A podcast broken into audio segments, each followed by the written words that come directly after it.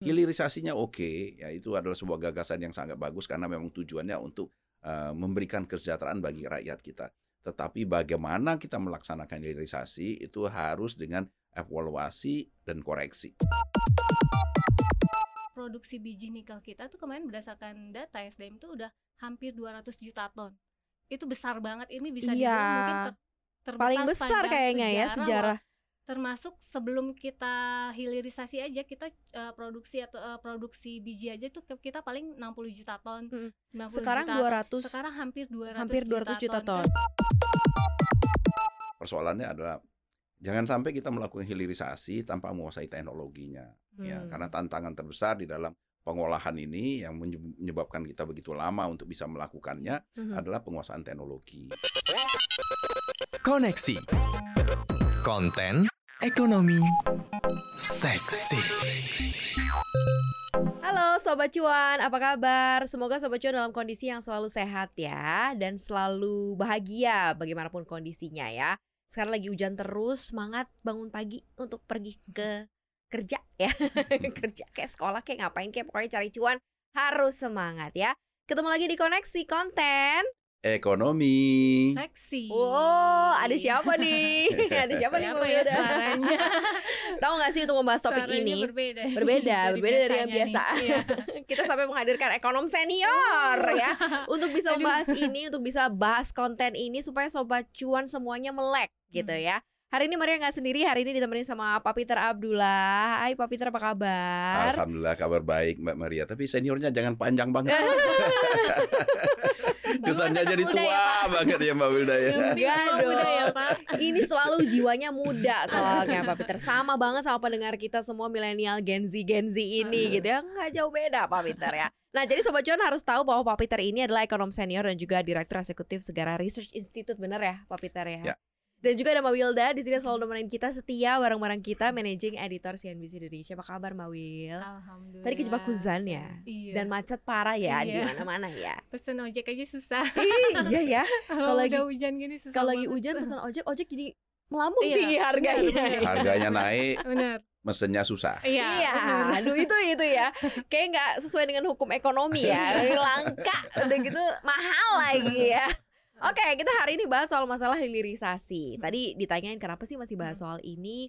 Kita pengen lebih bikin eh, semua yang denger sih teredukasi sebenarnya Iya. Pak Peter. Apalagi kan muncul banyak statement-statement dari si ini, statementnya begini, dari si Hmm. itu, statementnya begitu viral, viral banget kan di media sosial. Kita responnya kayak lucu aja gitu. Tapi kita pengen sobat cuan nggak cuma ngerespon lucu, tapi kita pengen kasih tahu yang sebenar-benarnya Iya. gitu loh. Kalau dibilang katanya hilirisasi RI ugal-ugalan, emang iya Pak Peter ugal-ugalan? Menurut Pak Peter gimana sih? Apa dulu tuh ugal-ugalan? Jadi ya gini dulu, harus kita balik dulu. Ya. Hilirisasi itu apa dulu? Benar. Dan apa memang kita butuh hilirisasi? Mm-mm. Ya. Hilirisasi itu adalah bagaimana kita eh, semua sumber daya alam kita, ya produk-produk yang kita miliki itu tidak kita hanya jual dalam bentuk ya. Mentahnya, Mm-mm. ya itu harus memberikan nilai tambah yang sebesar-besarnya. Mhm. Ini kan udah amanah uh, undang-undang dasarnya kita ya, betul. bahwa semua kekayaan kita yang ada di laut, darat, udara, semua ya, semua kekayaan alam kita Mhm. itu harus memberikan manfaat yang sebesar-besarnya bagi rakyat Indonesia. Mhm. Berarti memberikan nilai tambah yang sebesar-besarnya. Mhm. Nah, konsep hilirisasi itu adalah bagaimana kita memaksimalkan nilai tambah. Mhm. Ya, jadi memaksimalkan nilai tambah. Jangan sampai ya misalnya apa yang terkandung di dalam tanah Mm-mm. kita itu tidak kita ciptakan nilai Mm. tambahnya. Mm-mm. Kita Mhm. jualkan jual itu dalam bentuk tanahnya. Benar. Ya, jadi benar. harus dia udah dalam Diolah produk turunan. Iya. Nah, Mhm. hilirisasi itu bagaimana kita menciptakan produk turunan Benar. yang memiliki mem- nilai tambah Mm. sehingga memberikan kesejahteraan yang sebesar-besarnya bagi rakyat Indonesia. Kayak sobat cuan makan mie instan gitu ya Kan itu dari gandum diolah Iya, sampai jadi exactly. mie Nah, gitu Iya. ya perlu yang sekali dipahami dulu ya sebelum kita menggemakan hilirisasi ini produk-produk kita ya terutama mineral kita Mm-mm. itu yang kita kirimkan itu benar-benar ngeruk tanah, Tanah. ya Dijual, kemudian tanahnya ekspor ya. dijual Diekspor diekspor lagi, Mm-mm. iya, iya. Benar-benar dalam bentuk tanah gitu loh dan tanpa kita ketahui di dalam tanahnya itu Ada ada apa aja. Mhm, mhm. Nah, padahal setelah kita lebih dalami itu di dalam tanah kita itu banyak sekali unsur-unsur yang bernilai luar Oh, biasa iya, mahal iya, ya iya. bisa memberikan kesejahteraan jauh lebih banyak kepada kita. Kita jual misalnya tanah ya. Katanya sih untuk nikel. Mm-mm. Padahal di dalam nikel itu tanah itu bisa didapatkan nikel, didapatkan juga unsur-unsur Unsur lain. lain, Ya, Hmm. kebetulan saya bukan ahlinya ya. Mhm, Tapi yang mhm. saya dengar itu adalah ada unsur tanah jarang, rare earth di sana yang ya juga juga sangat bermanfaat, Mm-mm. sangat mahal. Mhm. Atau kita menjual hasil kita tanah kita di Tembagapura. Hmm. Yang kita kirimkan hasil keruk langsung kirim. Mhm. Padahal di dalamnya itu ada tembaga. Tetapi yang Bener. kita juga tahu ya produk sampingan dari tembaga itu emas. Hmm. Berapa banyak emasnya yang kita jual. Itu hanya produk sampingannya. Hmm. Nah ini yang nggak boleh lagi terjadi. Jadi kita harus ya tanah itu nggak boleh kita ekspor dalam bentuk tanahnya, ya. Tetapi harus kita olah menjadi produk turunannya sudah sudah terurai. Nah makanya kita mewajibkan ada smelter, ya. Biar harganya juga Biar- naik ya Pak ya. nah, Biar iya jualnya juga jelas. naik Jadi ya, Pak. Satu harganya naik, Mm-mm. kita juga bisa mendapatkan produk sampingannya. Oh, iya. Mhm, Ya, mhm, jadi mhm. nilai tambahnya Iya. tercipta berkali-kali. Ya, Mhm. itu. Nah, kita berharap hilirisasi itu bukan hanya sampai di situ, hanya Iya. mengolah di satu Hanya tahapan, smelter, tapi ya. tahapan-tahapan berikutnya sampai ke produk hilir-hilir-hilirnya Bahkan lagi itu kalau kita terjadi. industrialisasi ya Pak ya Nah, sebenarnya. Jatuhnya ke situ Di ya. balik itu Arahnya sebenarnya adalah situ. kita mendorong terjadinya industrialisasi ya. karena kita akan bangun smelter. Iya. Nah, smelter nanti kan butuh nanti ya pasokan ya? ya istilahnya adalah industri baik itu yang horizontal Iya. maupun vertikalnya. Mm-mm. Jadi akan menciptakan industri-industri lain. Inilah yang kita maksudkan di balik dari hilirisasi itu ada industrialisasi. Hmm. Lebih tinggi lagi itu nilainya ya Pak ya. Jauh, jauh sekali. Kalau Kita- bagus gitu tapi kenapa polemik ya? Tarik-tarikan gitu loh. Nah. kenapa begitu Ah. kan? Saya kira tidak ada satupun yang eh, tidak sependapat dengan hilirisasi. Mhm. Cuman, nah hilirisasi ini bagaimana kita melakukannya Hmm. itu yang kemudian menjadi isu. Emang menjadi, sekarang ngelakuinnya gimana Pak Peter? Nah, Udah melakukannya bagus kan, ya makanya Yelah, kan udah bagus kan? munculnya kan disebut kata ugal-ugalan Ah, tadi Ah, ya. ah, Ya, ah. maksudnya adalah kita terfokus pada satu produk sekarang ini baru. Kan memang hilirisasi ini kan baru kita gencarkan baru paling tiga tahun iya. terakhir ya. Eh, sayangnya itu ya. Ya tapi kan lebih baik terlambat daripada tidak sama, sekali. ya. ya. Nah, cuman sayangnya ya pertama hilirisasi ini kan terkesannya itu adalah hanya pada satu pihak. Mm-mm. terkesannya Mhm. ya. Eh, ya itu lagi itu lagi sama Hmm. itu lagi sama itu lagi. Ya.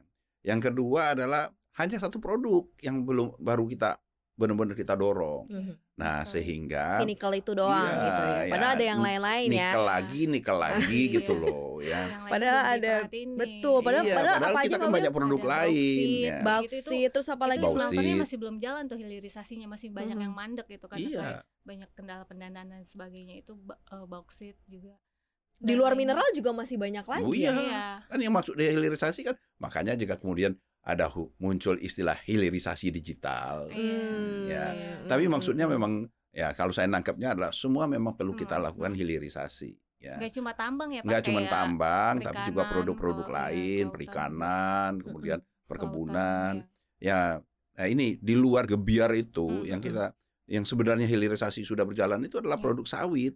Iya, Hmm. iya. Iya, Sawit itu benar, sudah- benar, benar. Sudah kita lakukan hilirisasinya udah berjalan ya. Minyak goreng sabun Produk minyak Betul, goreng itu kan sabun, adalah yang kita ya. pakai gitu Iya. kan Masuk ke kosmetik juga Iya, kan sampai ya ke si sawit kosmetik, itu ya. sampai ke Iya, makanan.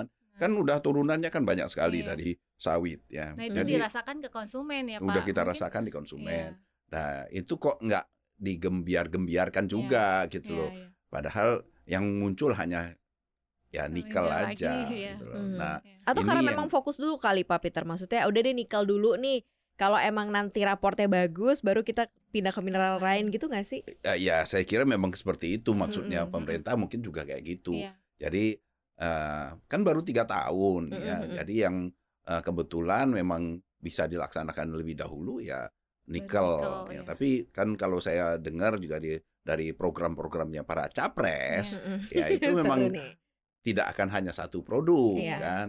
Itu. Sebenarnya semua paslon sebenarnya setuju dengan hilirisasi. Setuju dengan ya, Pak. hilirisasi, Mhm. tinggal Iya. bagaimana melakukan hilirisasinya Atau dengan cara yang udah ada gitu ya ya, Pak. dengan lebih eh, terencana, Iya. dengan strategi yang matang, Mhm. ya partner-partnernya yang diajak juga lebih luas, Iya. ya Mm. ini yang sehingga tadi yang kita eh, maksudkan tujuan kita kan adalah bagaimana mensejahterakan rakyat kita, ya. Bagaimana melaksanakan hilirisasi yang benar-benar memberikan kesejahteraan bagi rakyat kita, bagi Iya. masyarakat banyak, Mhm. bukan hanya bagi segelintir orang. Mhm. Mhm. Oke. Nah, Kalau sejauh ini yang eh, berjalan sudah on track kah gitu? Hmm. Maksudnya artinya yang Pak Peter lihat gitu, waktu Mbak Hmm, Wilda lihat iya. sejauh ini apakah memang sudah cukup eh, on track kah hilirisasi yang Eh, pasti ini? Ya, kalau yang eh, saya lihat ya, kalau sebenarnya kan eh, ini agak rumit juga nih sebenarnya nih hilirisasi nikel karena pemerintah tuh kayak ngebagi izinnya aja ada dua pak, ada izin usaha Hmm. pertambangan dan ada izin usaha industri. Mm-mm. Nah kayak gitu itu kan berarti kan harus ada compile data nih. Sebe- sebenarnya eh, data itu sendiri jarang sebenarnya di dikomunikasikan dipublikasikan sama pemerintah. Kayak Mm, mm, mungkin yang sering eh, publish tuh mungkin SDM Mm, tapi SDM itu kan smelter dia yang memang terintegrasi dengan tambang Yes. bukan smelter yang Iya, berdiri sendiri iya, kayak pabrik pabrik sendiri kayak Mm-mm. gitu dan yang dari smelter terintegrasi dengan tambang aja kemarin SDM baru bilang baru cuma lima nih Mhm, lima smelter kan itu masih dikit tapi di sisi lain produksi biji nikel kita tuh kemarin berdasarkan data SDM tuh udah hampir 200 juta ton itu besar banget ini bisa Iya. dibilang mungkin ter- terbesar Paling besar kayaknya ya loh. sejarah. Termasuk sebelum kita hilirisasi aja kita eh, produksi atau eh, produksi biji aja tuh kita paling 60 juta ton Mm. 90 Sekarang juta 200 sekarang hampir 200 hampir 200 juta ton. kan itu berarti kan eh, diserap buat smelter dalam Mm, negeri kita berarti kan mm. udah eh, bah- eh, bahkan dibilang eh, smelter kita tuh udah sampai ratusan unit nah itu eh, tapi kita sendiri dari redaksi belum belum ada nih pak yang apa mapa- maparin datanya sebenarnya kita udah ada berapa sih eh, smelter eh, unit smelter nikel di Mhm. Indonesia karena tadi ada keterbatasan ada data dari Kemenperin juga yang belum publikasi ada berapa banyak dengan tadi data dari SDM bilang produksi biji nikel kita udah hampir 200 juta ton sampai sekitar 193 juta ton itu kan berarti besar banget nih eh, Hmm. penggunaan nikel di dalam negeri kita kan itu Eks- eksploitasi nggak sih maksudnya? nah itu juga Masuk ke situ nggak sih jadinya? Iya bisa juga kalau nggak diikuti sama eksplorasi lagi kan Ah, Makanya bisa ini yang tuh kemarin Peter? disebut ugal-ugalan kan di situ Nah. ya. Lebih ke ugal-ugalan itu lebih ke uh, produksi Perenca- iya. ya, produksi nikel kita ya, Hmm. ekspor nikel kita menjadi um, terlalu besar Hmm. sehingga menyebabkan supply nikel itu terlalu berlimpah menyebabkan harga nikel jadi jatuh Hmm, kan turun. Hmm. Nah, ini yang disebut ugal-ugalan kalau saya menangkapnya kan dalam konteks itu Mhm. ya. terlalu oversupply Jadi mungkin oversupply. kayak dari sisi perencanaannya juga kayak Ya memang Gimana ya, Pak, memang ya? nggak ada Mungkin perencanaan. tuh? Cek? Terkesan ada sekali tidak ada perencanaan. Iya, Karena ya tapi saya memaklumi kalau Iya, saya iya, ya iya. karena Hmm. sering kali dalam sebuah program itu kan kita yang penting jalan dulu. oh yang penting ya, jalan yang dulu penting jalan dulu.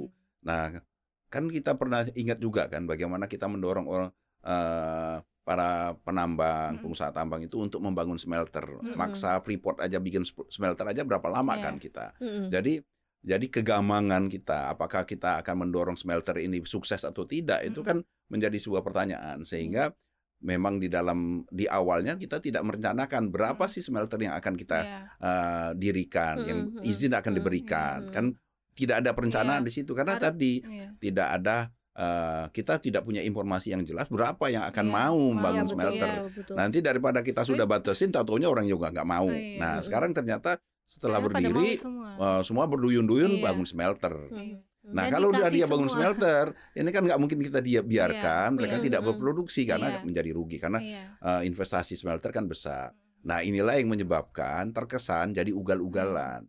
Padahal itu sebenarnya memang kondisi yang memang mungkin tidak terelakkan ya, Mm. karena dari awal memang susah untuk merencanakan berapa smelter yang akan dibangun dan Mm. begitu smelternya itu menjamur, Mm-mm. semuanya berproduksi, mendorong menjadi produksi nikel kita menjadi sangat besar. Iya benar benar. Ya, benar, jadi benar, ini benar, adalah benar, sesuatu yang benar. saya kira eh, memang harus kita evaluasi, Hmm. tapi bukan untuk untuk kita jadikan bahan untuk kita saling menyalahkan. Iya. Yes. Ya, memperbaiki itu. hanya memperbaiki Benar, yang benar. Fokus Iya. fokusnya adalah untuk memperbaiki. Ya, Terjawab kita evaluasi sih. harus. Evaluasi Betul betul. Terjawab sih akhirnya ketika ada Mm. statement ugal-ugalan itu kalau Mm-mm. di-combine dari data dari Mbak Wilda Iya. dari Pak Peter ternyata masuk nih match gitu ya. Iya. Tapi kalau kita balikin lagi ke fungsional bahwa kita melakukan hilirisasi untuk kesejahteraan masyarakat Mm-mm. gitu ya. Ini kayak seperti apa sih?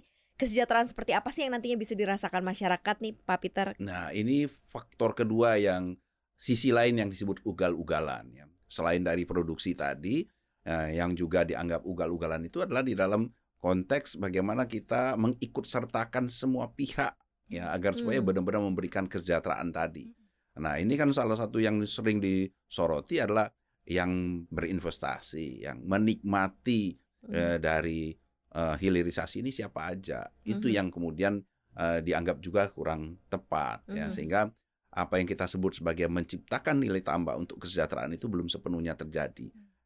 Trickle down efeknya itu belum kelihatan Ya, ya. ya. Bagaimana eh, di daerah-daerah yang menjadi ya ini contoh ini data makro yang saya pakai data makro ya.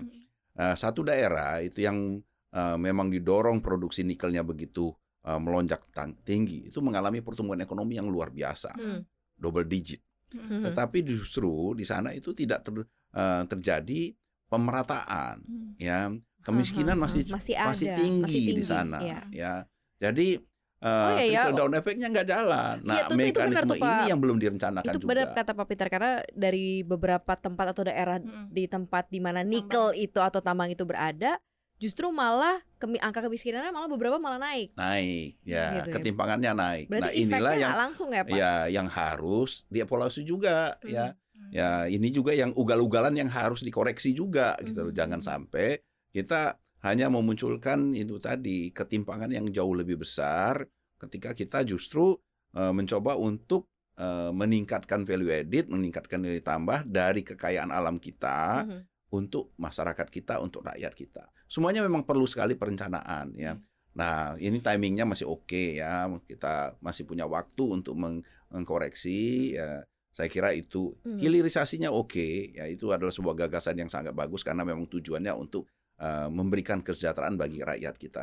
Tetapi bagaimana kita melaksanakan hilirisasi itu harus dengan evaluasi dan koreksi. Mm. Mhm, mhm. Nah mungkin di sisi lain juga eh, tadi eh, apa dirasakan eh, kesejahteraannya mungkin belum Belum terasa, kena banget belum ke kena. masyarakat sekitar Mm. gitu ya Eh, dan juga mungkin ke eh, ke nasional secara eh, apa ya secara menyeluruh mungkin tapi eh, mungkin ini juga karena ada faktor ini kali ya pak maksudnya ada pemberian insentif yang tax allowance, tax holiday kayak gitu kan untuk untuk waktu saat di awal-awal pemerintah untuk Mhm, mengundang mhm. investor kan eh, mereka Banyak pemerintah sweetenernya ya? menjanjikan tax holiday kayak gitu Iya, iya, biar iya, iya. investor mau masuk investasi di hilirisasi mungkin mungkin itu juga Itu salah juga satu termasuk kayak ugal-ugalan ya?